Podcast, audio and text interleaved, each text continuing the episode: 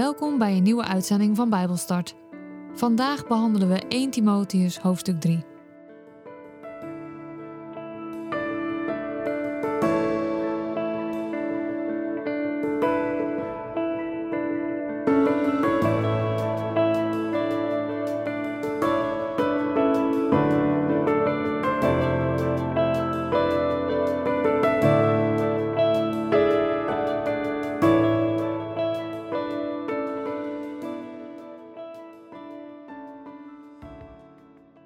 Lees met jullie uit de basisbijbel 1 Timotheus hoofdstuk 3.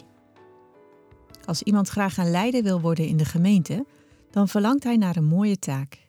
Want het is mooi werk. Van een leider moeten geen slechte dingen gezegd kunnen worden. Hij mag maar één vrouw hebben. Hij moet nuchter, rustig, fatsoenlijk en gastvrij zijn. Ook moet hij goed kunnen lesgeven in het woord. Hij mag niet verslaafd zijn aan wijn en niet driftig zijn. Hij moet vriendelijk en vreedzaam zijn en geen ruziezoeker. Ook mag hij niet hebzuchtig zijn. Hij moet zijn eigen gezin en de mensen in zijn huis goed kunnen leiden. Ook moet hij zijn kinderen rustig en beheerst opvoeden. Want als iemand zijn eigen huis niet goed kan leiden, hoe zou hij dan de gemeente van God kunnen leiden? Hij mag niet iemand zijn die nog maar pas gelooft, want dan zou hij trots kunnen worden dan zou hij in dezelfde valkuil vallen als de duivel. Ook de mensen buiten de gemeente moeten goede dingen over hem zeggen. Want als er slechte dingen over hem worden gezegd, kan hij in de val lopen die de duivel voor hem heeft opgezet. De mensen die hem helpen bij het leiden van de gemeente moeten goede en fatsoenlijke mensen zijn. Ze moeten in alles eerlijk zijn, niet te veel wijn drinken en niet hebzuchtig zijn maar ze moeten met een zuiver geweten vasthouden aan het geheim van het geloof. Ook bij hen moet eerst uitgezocht worden of ze geschikt zijn voor hun taak. Pas als blijkt dat ze geschikt zijn, mogen ze eraan beginnen. Ook hun vrouwen moeten in alles fatsoenlijk zijn. Ze mogen niet roddelen, maar ze moeten nuchter zijn en in alles te vertrouwen. De mannen die de leider van de gemeente helpen, mogen maar één vrouw hebben. En ze moeten goed leiding kunnen geven aan hun eigen gezin en aan de andere mensen in hun huis. Als ze hun taak goed doen, zullen de mensen respect voor hen hebben. En ze zullen vol geloof en zonder vrees kunnen spreken over het geloof in Jezus Christus. Ik schrijf je dit nu alvast, ook al hoop ik gauw naar je toe te kunnen komen.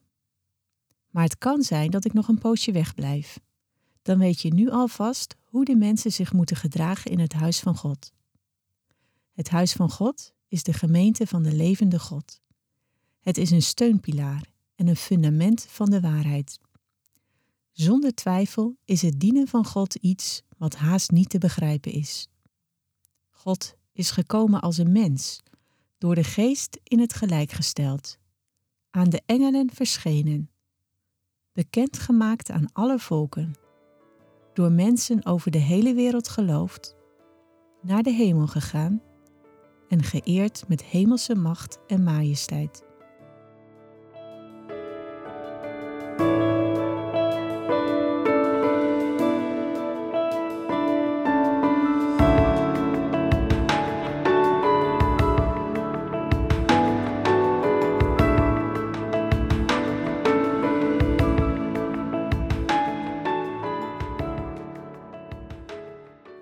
Het hoofdstuk wat we vandaag gelezen hebben, staat adviezen voor het aanwijzen van leiders in de gemeente.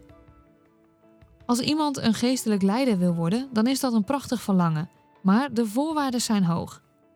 Paulus somt er hier een paar op waaraan een leider moet voldoen. Zo moet van een leider geen slechte dingen gezegd kunnen worden. Hij mag maar één vrouw hebben. Hij moet nuchter zijn, fatsoenlijk, rustig en gastvrij. Ook moet hij goed kunnen lesgeven in het woord. Hij mag niet verslaafd zijn aan wijn en niet driftig zijn. Hij moet vriendelijk en vreedzaam zijn en geen ruziezoeker. Ook mag hij niet hebzuchtig zijn.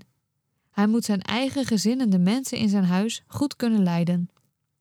Ook moet hij zijn kinderen rustig en beheerst opvoeden. Ben jij een geestelijk leider of verlang je daarna? Vergelijk jezelf dan eens met deze hoge maatstaaf die Paulus hier schetst. Want wie grote verantwoordelijkheid draagt, moet ook aan hoge verwachtingen voldoen. In het tweede vers geeft hij aan dat een leider maar één vrouw mag hebben. Daarmee verbiedt hij dus polygamie en overspel. Maar hij stelt niet dat ongetrouwde mannen of hertrouwde weduwnaars geen oudste mogen worden.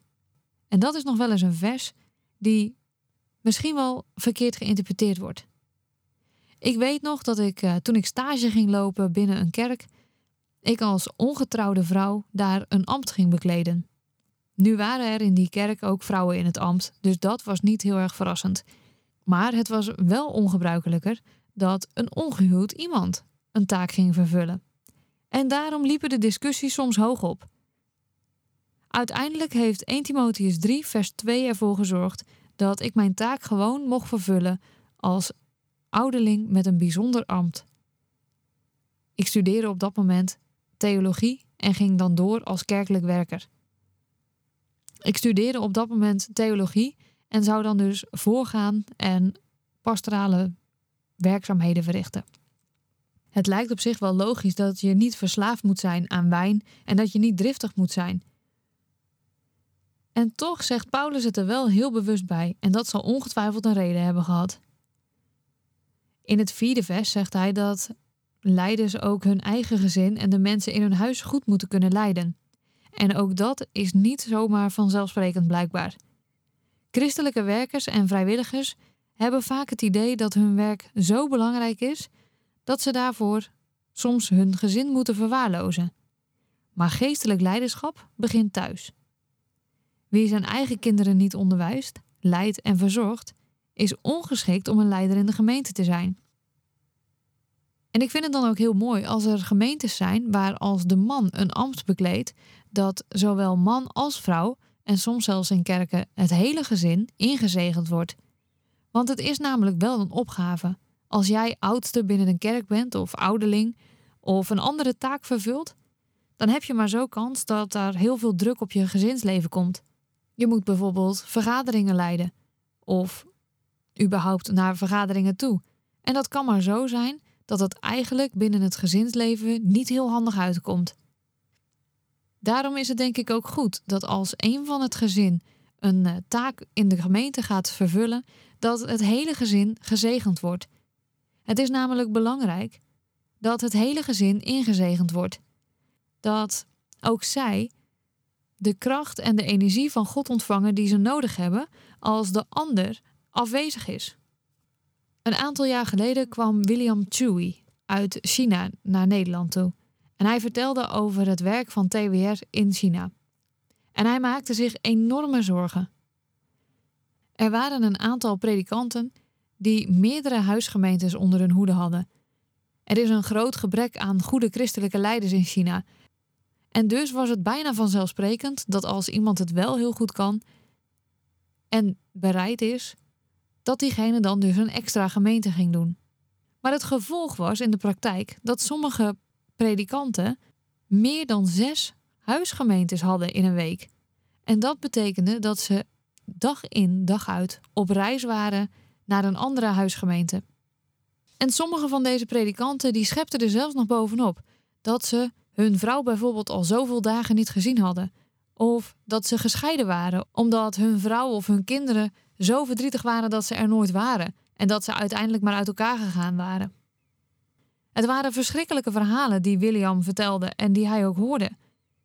William was erdoor geraakt en William besloot om samen met eh, het team van TWR in Canada op zoek te gaan naar een aantal richtlijnen waar een leider in China aan zou moeten voldoen. En daar kwam dus ook een maximum van aantal huisgemeentes of überhaupt gemeentes die zij mogen leiden. Want het kan natuurlijk niet zo zijn dat je dag in dag uit van huis weg bent, op reis bent naar kerken en dan zeven dagen in de week in verschillende kerken voorgaat en tegelijkertijd je kinderen, je vrouw niet meer zien. Maar zo zei William, er heerst een soort wedstrijdcultuur. Er heerst een soort wie is er eerder overspannen en wie is er eerder gescheiden. En dat zijn natuurlijk verschrikkelijke dingen. En de grote vraag is dan ook: draait het dan nog om God? Gaat het dan nog om God te eer brengen? Of is het dan alleen om te laten zien dat jij je zo ontzettend goed inzet voor God? En 1 Timotheus 3, vers 4 en 5 was dus een van de richtlijnen die William ook heeft gebruikt in zijn toerusting voor de pastoren in uh, China. Want geestelijk leiderschap begint echt thuis. Een andere voorwaarde die Paulus schetst is dat de leider niet maar pas tot geloof gekomen mag zijn. Jonge christenen moeten zeker en sterk in het geloof worden voordat ze een leidinggevende taak in de gemeente kunnen vervullen. Maar betekent dat dan dat jonge christenen geen taken kunnen vervullen in de kerk? Dat ze niet meetellen, dat ze niet belangrijk zijn? Nee, dat is zeker niet wat Paulus hier wil zeggen. Maar het gaat erom dat de meeste jonge gelovigen vaak nog onwankel in hun geloof staan. Dat ze vatbaarder zijn voor aanvallen van het kwaad, voor geestelijke strijd, voor verleidingen. En dus zouden ze als het ware volgens Paulus hier een soort toets moeten doorstaan. Een toets van de tijd, om te groeien naar volwassenheid. Maar ja, hoe toets je dat dan? Of je geestelijk volwassen bent geworden? Ik denk dat het superbelangrijk is om ook jonge mensen in te zetten en ze al kleine verantwoordelijkheden te geven binnen de kerk. Ik snap dat je niet iemand die net twee weken tot geloof gekomen is, al leiding laat nemen over de kerk en hem de koers laat bepalen. Maar we moeten ervoor waken dat we zeggen tegen hen: ja, maar je bent pas net tot geloof gekomen, dus je telt niet mee. Want ook dat is ontzettend frustrerend voor mensen die tot geloof gekomen zijn en super enthousiast zijn. En ik denk dat daar de scheidslijn heel erg dun is.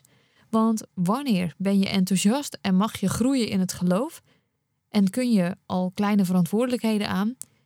En wanneer ben je enthousiast en word je buitengesloten omdat je nog te jong bent? En het mooie is dat Paulus dat later ook tegen Timotheus gaat zeggen. Timotheus was een jonge knul. En in hoofdstuk 4, vers 12 staat gewoon: Niemand mag op je neerkijken omdat je nog jong bent. Wees een voorbeeld door alles wat je zegt en doet, door je liefde, geloof en zuiverheid. Het gaat dus echt niet zozeer om leeftijd. Het gaat echt om die geestelijke geloofsleeftijd. In hoeverre jouw geloof al sterk gegroeid is en volwassen is geworden. Vervolgens gaat het in vers 8 over de mensen die hem helpen. En in het Grieks staat daar dienaar of diaken. En deze taak werd ingesteld door de apostelen in de gemeente van Jeruzalem. Dat lees je bijvoorbeeld in Handelingen 6. Zij zorgden voor de materiële zorg in de gemeente.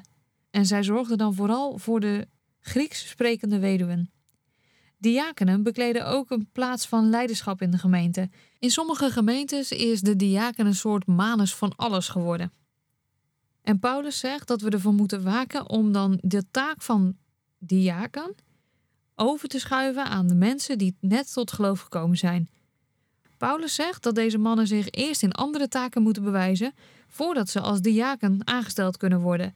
En dat heeft er dus mee te maken dat de diaken dus ook een leidinggevende functie is. En dan staat er in vers 11 ook hun vrouwen moeten in alles fatsoenlijk zijn. Aan de ene kant kon daar gedacht worden aan de vrouwen van de mannen die een taak hebben, of dat er gedacht wordt aan de vrouwelijke helpers, de diakonessen. En het is een beetje onduidelijk of dit nou met dit vers bedoeld wordt en of dit nou wijst bijvoorbeeld naar de diakonessen zoals Febe in Romeinen. Maar hoe het ook is, dat maakt niet uit. Paulus vindt namelijk dat de vooraanstaande vrouwen in de gemeente hetzelfde besef van verantwoordelijkheid moeten hebben als de vooraanstaande mannen.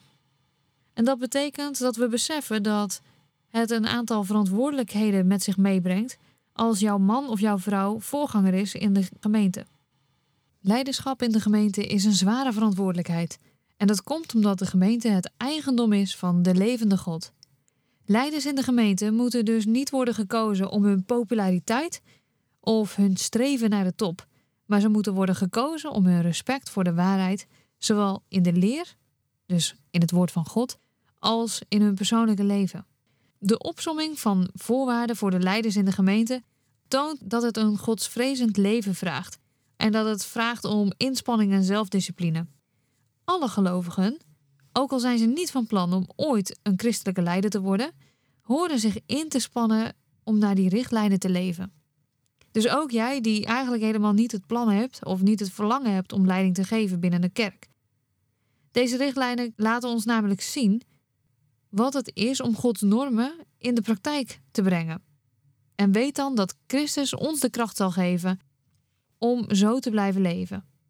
Paulus die schrijft in vers 14: Ik schrijf je dit nu alvast, ook al hoop ik gauw naar je toe te kunnen komen. Maar het kan zijn dat ik nog een poosje wegblijf. En dan weet je nu alvast hoe de mensen zich moeten gedragen in het huis van God. Paulus hoopte heel graag om Timotheus weer op te zoeken. Maar tot die tijd stuurde hij hem brieven en liet hij weten dat hij aan hem dacht.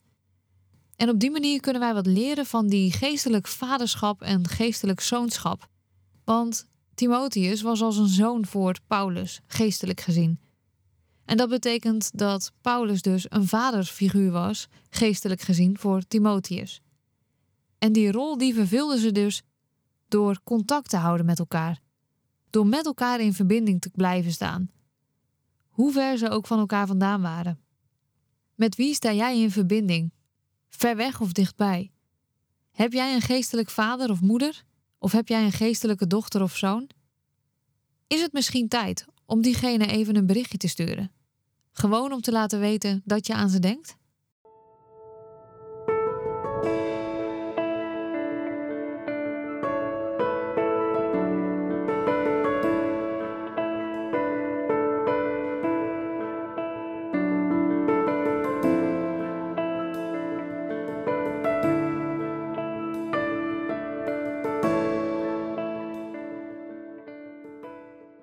Was Bijbelstart, een programma van TWR.